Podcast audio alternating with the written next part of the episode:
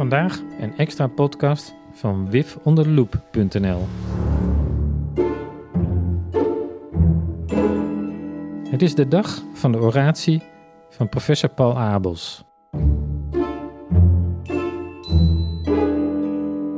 En hij heeft een exclusief interview gegeven met wifonderloop.nl.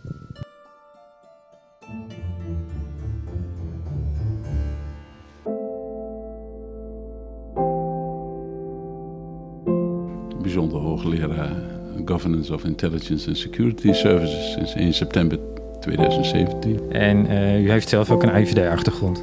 Ik heb uh, 21 jaar bij de AIVD slash BVD gewerkt. Weggegaan daar met de moord op Theo van Gogh. Toen ben ik door de Nationaal Coördinator Terrorismebestrijding, die toen net één dag in functie was, geronseld gerecruiteerd om uh, een kenniseenheid te helpen opzetten bij de NCTB. En NCTV uh, in de uh, sfeer van de analyse van de dreiging. En daar ben ik nu raadadviseur. Ja. Ik vraag het aan iedereen. Wat, wat is nu daadwerkelijke nut en noodzaak van inlichtingendiensten? ik denk dat we naïef zouden zijn als we inlichtingen en veiligheidsdiensten niet nodig zouden hebben. Dan leven we in een roze wereld en de wereld is nu eenmaal onveilig. En de nationale veiligheid is ook geen zeker bezit. Dus daar moet je als staat, als samenleving, moet je daar altijd uh, heel alert op zijn. Als er krachten in of van buiten de samenleving actief zijn die die, die, die nationale veiligheid bedreigen. En daarvoor hebben we klassiek natuurlijk het leger. En dan uh, gaan we aan de grens met soldaten staan. Maar uh, er zijn dreigingen die je niet met een leger kunt afweren. Maar die je op een hele andere manier tijdig moet onderkennen. En je moet ze onderkennen voordat ze zich echt uh, kwalijk manifesteren. Daar heb je gewoon inlichting en veiligheidsdiensten voor nodig. Die informatie verzamelen. Eigenlijk in een fase waarin de problemen zich nog niet hebben gemanifesteerd, dus in dat voorveld. En daar heb je inlichting en veiligheidsdiensten voor nodig, die bijzondere bevoegdheden moeten hebben om dat uh, tijdig op het spoor te kunnen komen. U noemde het al, hè, voor voorspellend zijn, in het voorveld zitten. Uh, hoe, hoe, hoe ver moet je vooruit kunnen kijken als inlichtingendienst en, en naar waar, naar wat voor gebieden? Uh, dat is heel ruim, want je kunt niet van tevoren zeggen dat de dreiging uit die of die hoek komt. Uh, dreiging varieert ook heel snel en kan snel opkomen, kan ook snel weer verdwijnen. Maar je moet in ieder geval een brede strategische blik hebben, een soort monitoring van, van het hele spectrum aan, aan voorstelbare dreigingen. En je moet inzoomen op het moment dat een dreiging manifester wordt. En dan moet je daar meer capaciteit op zetten, meer middelen die je hebt om er alles aan te doen dat die dreiging zich niet manifesteert in dit land.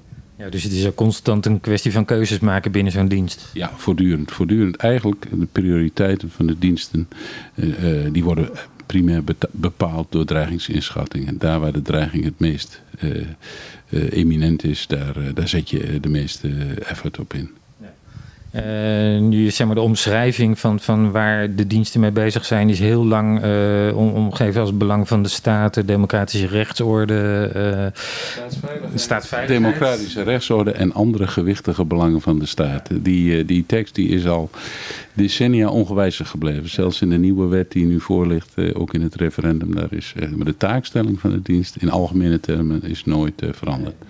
Ook, ook het grotere begrip nationale veiligheid, dat, dat speelt daar ook een rol in. Maar dat is een begrip wat eigenlijk pas de laatste 15 jaar heel erg naar voren is gekomen. Daarvoor hadden we het over binnenlandse veiligheid. Ja, ja, het heette niet voor niks binnenlandse veiligheidsdienst. Ja, nu, nu, is het dus het begrip nationale veiligheid. En ik heb zelf ook een zoektocht gedaan, ook in de memorie van toelichting.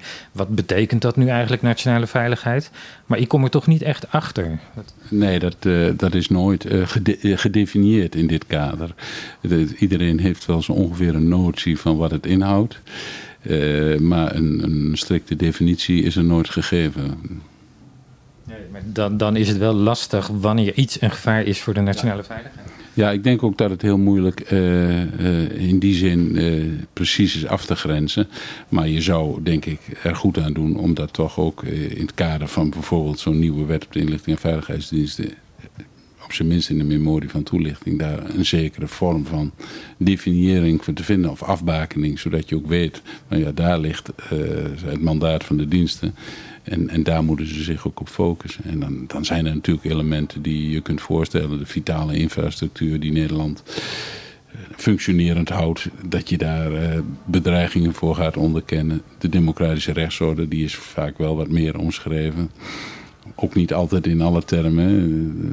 Eh, eh, maar daar uh, ja, elementen uit het onbelemmerd functioneren van een democratische rechtsstaat. Dat zijn dingen die denk ik dan onder het begrip nationale veiligheid genoemd zouden moeten worden. Ja. Want er is op zich wel veel kritiek op. Hè? Ook omdat, uh, zeg maar, ook in de huidige constellatie er vaak veel gevolgen zitten aan het feit als iemand een gevaar vormt voor de nationale veiligheid. Ook in het actieplan jihadisme bijvoorbeeld. Uh, ja, mensen kunnen gebiedsverboden krijgen, uh, allerlei dat soort consequenties. En dan toch vaak alleen maar met, met de mededeling: deze, deze persoon vormt een gevaar voor de nationale veiligheid. Ja, dat is, een, eh, dat is uh, omdat het niet heel, heel nauw omschreven is. Maar het is wel een stempel wat, wat zwaar telt, omdat het aan een hoger belang haakt. En in, in principe, gegeven wat er nu in de wet staat, dan is dat hogere belang toch staatsveiligheid, democratische rechtsorde of andere gewichtige belangen van de staat. Het derde artikel is natuurlijk helemaal een kapstokartikel van wat zijn gewichtige belangen van de staat. Gewichtig, ja. dat kan heel veel zijn in principe. Werd daar intern veel over gediscussieerd, over de invulling van dit soort termen? Ja, zeker. zeker. Ik herinner mezelf uit die periode, in de jaren tachtig, zeker onder dokters van Leeuwen, toen conceptueel uh, denken uh, enorm uh, gegroeid is, ook binnen die inlichtingengemeenschap.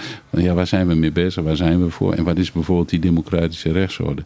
Wat zijn grondrechten? En, in welke mate is de dienst uh, uh, bezig om ervoor te zorgen dat er geen grondrechtaantastingen van, vanuit het buitenland of, of, door extremistische groepen binnen het land uh, voorkomen. Dus daar werd heel erg ook gedefinieerd wat wel en wat niet. Wat mij opvalt is dat er politiek weinig invulling aan dit soort begrippen gegeven wordt.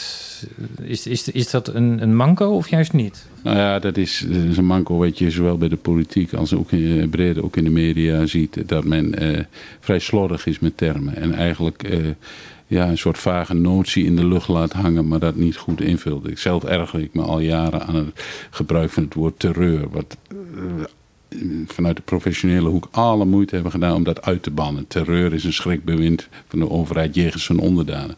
Terrorisme, dat is wat anders dan terreur. Eh, dat is, eh, dat is een vorm van eh, asymmetrische oorlogsvoering van een niet-statelijke actor tegen en ter ondermijning van een. Van een van, een, van samenleving waarbij met het, dreigen, het plegen van op mensenlevens gericht geweld politiek gedwongen wordt dingen te doen die ze anders niet zouden doen. Dat is terrorisme. En in die zin, het, eh, alleen al het gebruik van zo'n term vind ik in de samenleving al erg uh, ergerlijk dat men daar zo makkelijk uh, mee omgaat. Hè. De term sleepnet, ook weer zoiets. De officiële media nemen een actieterm over in plaats van toch te blijven bij waar we hebben het over. Het is een wet op de inlichting en veiligheidsdiensten. Geen sleepwet, geen aftapwet. En toch die slordigheid, die zie ik in de samenleving, zie ik ook in de politiek. ze gaan dus ook in discussies over uh, de wet op de inlichting en veiligheidsdiensten, niet fundamenteel in op zo'n begrip als, nou, wat verstaan we dan onder nationale veiligheid? Hoe, uh, hoe kunnen we dat afbakenen en hoe kunnen we daar ook voor de samenleving een richting aan geven? En dat is spijtig, dus in die zin uh, hoop ik dat er wat meer conceptueel denken en, en, en, en, zuiver gebruik van termen inlichting en veiligheidsdiensten, nog zo'n voorbeeld. Die worden ook allemaal door elkaar gebruikt. En, eh, terwijl er toch een fundamenteel verschil tussen beide is. En eh, ja, het zou, jammer, het zou goed zijn als daar wat meer aandacht voor is. Ligt dat ook niet deels aan, aan de diensten zelf, die, die daar ook weinig openheid in betrachten natuurlijk? Nou ja, dat is eh, een, een klacht van mij die al in, enkele jaren, die ik al enkele jaren geventileerd heb, is dat wat ik dan de oesterkramp van de diensten noem, dat men te weinig uh, communiceert met de samenleving. Kijk, uh, in een democratische context, in een moderne context, kun je niet meer als veiligheidsdienst, als inlichtingendienst, kun je niet meer verbergen achter een muur van geheimhouding en, en, en, en, stiekem uh, gedoe. je moet voortdurend, denk ik, aan de samenleving, daar waar het kan, vertellen waar je mee bezig bent, wat, wat je zorgen zijn, wat belangrijk is. Want je hebt draagvlak nodig. En dat zie je nu met zo'n referendum. Je hebt vertrouwen in de samenleving nodig, je hebt draagvlak nodig. Je hebt ook uh, nodig dat mensen uh, weten waar ze de dienst in hun dagelijks leven tegen kunnen komen als ze zich in bepaalde uh, kringen zouden begeven. Kenbaarheidsvereisten, ook vanuit de wet is het eigenlijk noodzakelijk dat een dienst met een goed jaarverslag, maar ook met communicatie, met interviews van het diensthoofd, met open publicaties, met verantwoording in het parlement, et cetera uh, rekening en verantwoording aflegt en vertelt waar ze mee bezig zijn. Um, een essentieel onderdeel, uh, wat, wat, wat, u net noemde, hè, die diensten kijken vooruit naar, naar het ongekende, maar diensten worden ook aangestuurd natuurlijk. Um, daar gaat iets in veranderen.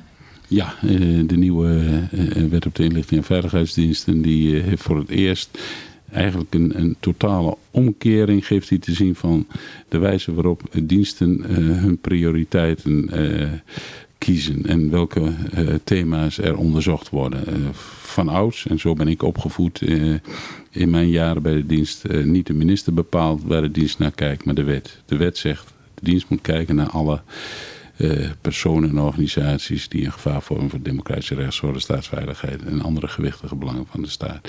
En de dienst zelf, op basis van een dreigingsinschatting, bepaalde dan waar de prioriteiten lagen. Dat is eigenlijk met deze nieuwe wet, eh, wordt dat eh, volledig omgekeerd. Nu eh, vraagt de dienst aan een geselecteerde groep behoeftestellers, waar moeten wij naar kijken? En dat bepaalt in hoge mate waar de dienst naar gaat kijken. Dat betekent dus dat een aantal departementen, AZ, Buitenlandse Zaken, BZK, uh, Justitie en Veiligheid, die uh, moeten aangeven waar de dienst naar moet kijken. ik vraag mij eerlijk gezegd af hoe, op basis waarvan zij die, die keuzes moeten maken. Zij zijn niet de dreigingsexperts. En zij zijn als beleidsambtenaren, maar ook als politici hebben vaak een korte termijn belang. Ze hebben een, een, een, mandaat, hun ambtstermijn, een beleidsprogramma. Daar zullen zij hun wensen op, vooral op concentreren. Maar een dienst is er juist om te waarschuwen voor dingen die niet voorzien waren. Die juist zo'n programma in de war kunnen schoppen. Waar een politicus niet op zit te wachten. Maar die, als er uh, ontwikkelingen zijn die een gevaar vormen voor de nationale veiligheid dan moet de dienst dat, ongeacht of de behoeftestellers dat nu willen of niet, die moet dat gewoon melden. Die moet daarvoor waarschuwen. En dan is het aan de politici om daar iets mee te doen of iets niet meer te doen. Die vrijheid en die verantwoordelijkheid ligt daar. Maar die dienst, en daarom staan die vissen ook in het wapen van de AIVD, die vissen moeten tegen de stroom in blijven zwemmen. En ik vrees dat met die nieuwe systematiek, wat ze de geïntegreerde aanwijzing noemen, dat de vissen te veel met de stroom mee gaan zwemmen. Blijft er niet voldoende ruimte over voor de diensten om, om een groot deel van het werk toch nog zelf in te vullen? Er blijft een kleine ruimte over. Dat is uh, in ieder geval uit de memorie van toelichting blijkt dat, uh, dat er een, een, een, ruimte blijft om nieuwe dreigingen te, uh, te onderkennen. En dat er ook kleine aanpassingen, tussentijdse aanpassingen in die geïntegreerde aanwijzing kunnen gedaan worden. Als er bijvoorbeeld sprake is van een Nederlandse missie in het buitenland, waardoor een bepaald gebied plotseling interessant wordt om inlichtingen over te vergaren. Uh, maar uh, in, mijn beleving is zo'n GA zorgt ook voor een verkeerde mindset. De mindset was dus op de nationale veiligheid en de dreigingen gericht. En de mindset is nu primair gericht op de behoeftestellers. En dat is een, een fundamentele verandering van eh, de verhouding tussen politiek en inlichting en veiligheidsdiensten die ja, grote risico's in zich bergt van politisering van inlichtingen. Want dat is een andere kant van de medaille, wat we ook in de inval van de Amerikanen en de coalitie in Irak hebben gezien in 2003. Uh, eh, het kan zijn dat de politiek bepaalde inlichtingen graag wil hebben, hoewel ze niet zijn, kan een druk op, op dienst. Ik zeg niet dat dat in Nederland snel uh, zal gebeuren, maar het is in ieder geval, en het is voorstelbaar gebleken met, uh, rond die Irak-oorlog, is reëel gebleken dat risico dat er behoeftestellers zijn die inlichtingen gaan bestellen die hen goed politiek uitkomen. En dat is iets waar de diensten zich altijd verder zouden Nee, maar het, uh, het uithoofd van de EMVD, Pieter Bind, vertelde mij dat ook al, dat de diensten een soort offertes moeten gaan doen. Ja, het is een, het is een soort loven en bieden geworden in die hele systematiek, waarin uh, uh, de diensten beginnen met een, een, algemene inschatting van de dreiging. En dan uh, gaan de diverse behoeftestellers, de ministeries, die gaan aangeven waar, op welke terreinen zij informatie willen van de dienst de komende vier jaar. Een periode van vier jaar, wat natuurlijk een eeuwigheid is in het kader van nationale veiligheid. En, uh, en dat betekent dus dat dan een soort, uh, dan worden die behoeftes geïnventariseerd en dan kijkt de dienst en die kijken wat hun capaciteit is, wat hun middelen zijn, wat ze kunnen. En dan geven zij een reactie, een tegenofferte van dit kunnen wij, uh, dit kunnen wij doen op het terrein wat jullie graag willen. En dat gaat tot op heel minutieus niveau. Er worden drie graden, dekkingsgraden gebruikt om aan te geven of een onderzoek zeg maar, oppervlakkiger of, of dieper moet zijn, et cetera. En op, op, ook op die punten wordt dan onderhandeld met de behoeftestellers hoe ver de dienst zal gaan in de inzet en in het leveren van informatie.